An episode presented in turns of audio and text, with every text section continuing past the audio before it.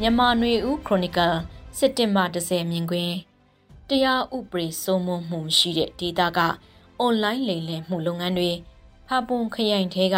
စာတင်ကျောင်းတွေလေကျောင်းကတိုက်ခိုက်ခံရဆိုတဲ့စောင်းပါကိုဖတ်ကြားပေးသွားပါမယ်။အင်တာနက်အွန်လိုင်းပေါ်ကနေဖျားယောင်းတာမြူဆွဲတာငွေကြေးလိမ်လည်တာ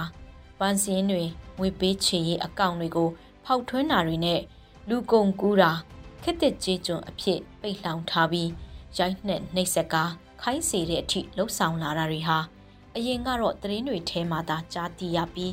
မြန်မာနိုင်ငံနဲ့တိတ်ပြီးမဆက်ဆက်တလို့ဖြစ်ခဲ့ပေမဲ့ပြီးခဲ့တဲ့3-4နှစ်တာကာလအတွင်းတဖြည်းဖြည်းမြန်မာနိုင်ငံရဲ့လက်နက်ကင်အဖွဲ့တွေထိန်းချုပ်စိုးမိုးထားတဲ့နေဆက်ဒေသတွေလိုတိုင်းသားလက်နက်ကင်အဖွဲ့တချို့ရဲ့ကိုပိုင်အုပ်ချုပ်နေကြတဲ့ဒေသတွေမှာတဖြည်းဖြည်းဝင်ရောက်လုတ်ကင်လာနေရင်းနဲ့မကြခင်ကာလတွေကစလို့ ရန်ကုန်မြို့လိုနေရာမျိုးတွေမှာတောင်ရုံခန်းတွေငှားရမ်းပြီးလုတ်ကင်လာကြတဲ့အခြေအနေမျိုးရောက်ရှိလာတာတွေ့နေရပါပြီ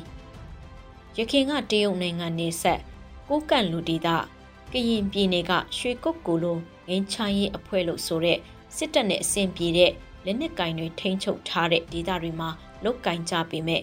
COVID-19 ကိုဆက်မှုကပ်ပေးဖြစ်ပွားပြီးနောက်နဲ့စစ်အာဏာသိမ်းမှုအပြီးမှာတော့ ကြည်ကြည်ပြန့်ပြန့်လုတ်ကင်လာကြရကနေကရင်ပြည်နယ်မှာအများအပြားပေါ်ထွက်လာသလိုမကြခင်ကာလတွေမှာရန်ကုန်မြို့လေကရုံခန်းတွေငှားရမ်းတဲ့ကွန်ဒိုအဆောက်အဦတွေလိုနေရာမျိုးမှာတခုမကလောက်ကင်နေကြတဲ့အကြောင်းမကြခင်က RFA မြန်မာပိုင်းသတင်းဌာနကဖော်ပြခဲ့တာဖြစ်ပါတယ်။ရခိုင်စစ်အစိုးရလက်ထက်နေချားဆောင်တက်အဖြစ်ဖွဲ့စည်းခဲ့တဲ့ DKBA ထိန်းချုပ်ထားတဲ့မြဝတီမြို့နယ်ထဲကရွှေကုတ်ကိုတဝက် တောင်းရင်မြင့်နဘေးမှာကာစီနိုကစားဝိုင်းတွင်အခောက်ခွန်လွှတ်ရမကားစီကရက်နဲ့နိုင်ငံတကာအမှတ်တစိမ့်ပစ္စည်းတွေရောင်းချတဲ့ကုံတိုက်လိုမျိုးနိုင်ငံခြားဘီယာအမျိုးမျိုးကိုချက်လုပ်ပြီးတောက်သုံးနိုင်တဲ့ဘီယာဆိုင်တွေနဲ့ထိုင်းနိုင်ငံမှာခွင့်မပြုထားတဲ့ကက်စီနိုလောင်းကစားဝိုင်းတွေကိုမြန်မာနိုင်ငံမြေပေါ်မှာဖွင့်လှစ်ထားတာစစ်အာဏာမသိမ်းမီအရင်စေစုနှစ်တခုနီးပါးဝန်းကျင်ကြရဖြစ်ပါတယ်။ဟောင်ကောင်အနီးက မကောက်ကျွန်းလိုလောင်းကစားလုပ်နိုင်တဲ့နေရာတစ်ခုကိုလက်နက်ကင်တပ်တွေကို အခွင့်ကောက်ပြီးအကာအကွယ်ရယူပြီးလောက်ကင်ခဲ့ကြတဲ့နေမီက COVID-19 ကူးစက်ကပ်ပြီးဖြစ်ပွားပြီးနောက်မှာစီးပွားရေးလုပ်ငန်းပြောင်းပြီးအွန်လိုင်းကလိမ်လည်တဲ့လုပ်ငန်းတွေကိုဥတီသွားတဲ့သဘောတွေ့ရတာဖြစ်ပါတယ်။တရားဥပဒေစိုးမိုးမှုမရှိခြင်းက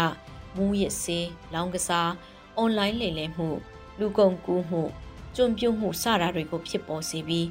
ဒီလိုအွန်လိုင်းပေါ်မှာတဆင့်လိမ်လည်တာလူကုန်ကူးတာတွေကမြန်မာနိုင်ငံရဲ့ဒေသအများအပြားမှာတဖြည်းဖြည်းဝင်ရောက်လာတာဖြစ်ပါတယ်။ဒီလိုလောက်ကင်လာရမှာမြန်မာနိုင်ငံသားတွေနဲ့အရှိတောင်အာရှတောင်အာရှနိုင်ငံတွေကနိုင်ငံအများအပြားက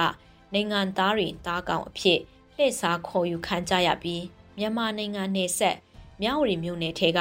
ရွှေကုတ်ကိုဒေသမှာတဖွဲဖွဲလာရောက်ပြီးပိတ်လောင်ခံချင်းချောက်ခံကြရက နောက်ဆုံးတက်ဆိုင်ရာနိုင်ငံကတန်ယုံတွေကဝင်ရောက်ကူညီကဲထုတ်ကြရတဲ့အဖြစ်ပြက်တွေက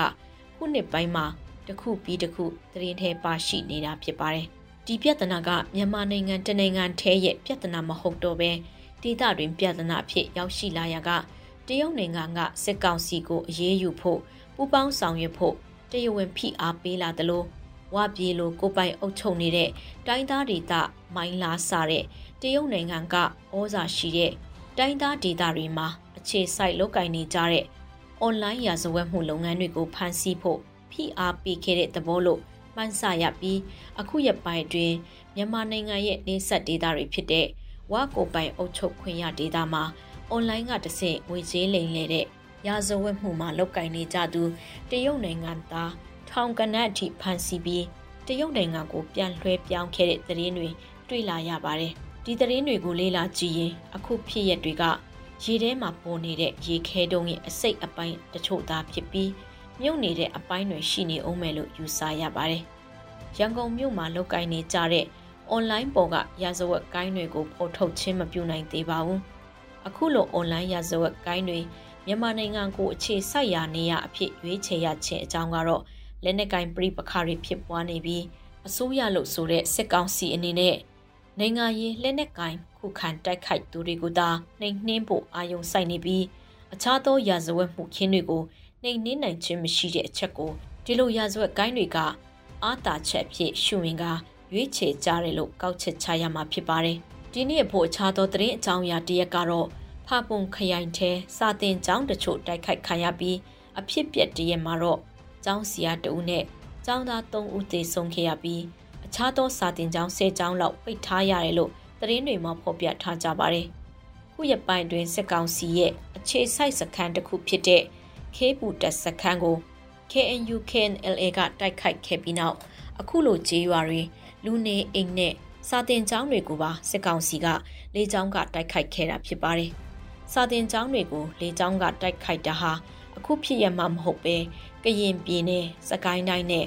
အခြားသောဒေသတွေမှာလည်းမကြာခဏဖြစ်ပွားခဲ့တာဖြစ်ပြီးရမန်နှစ်ကဒီပေရင်မြုံနယ်လက်ရက်ကုန်းကျေးရွာစာတင်ကျောင်းတိုက်ခိုက်ခံရမှုမှာကလေးငယ်တွေသိဆုံးခဲ့ရတဲ့အဖြစ်က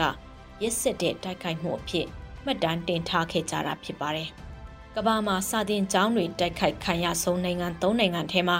မြန်မာနိုင်ငံကလည်းတနိုင်ငံအဖြစ်ပါဝင်နေပြီးအခြားသောနှစ်နိုင်ငံကယူကရိန်းနဲ့ဘူကီနာဖာဆိုနိုင်ငံတို့ဖြစ်ပါတယ်။ စစ်အာဏာသိမ်းမှုနောက်မှာစာတင်ကျောင်းတွေမှာစစ်ကောင်စီတပ်တွေကစခန်းချတာနေရာယူတာတွေရှိတယ်လို့စစ်ကောင်စီတပ်တွေစခန်းချတဲ့စာတင်ကျောင်းတွေကို PDF တွေကတိုက်ခိုက်မှုအချို့လည်းရှိပြီးအများစုကတော့ကျေးရွာတွေကစာတင်ကျောင်းတွေမှာလူစုဝေးတာမျိုးကိုစစ်ကောင်စီဘက်ကတိုက်ခိုက်ခဲ့တဲ့အဖြစ်အပျက်တွေဖြစ်ပါတယ်ရှင်။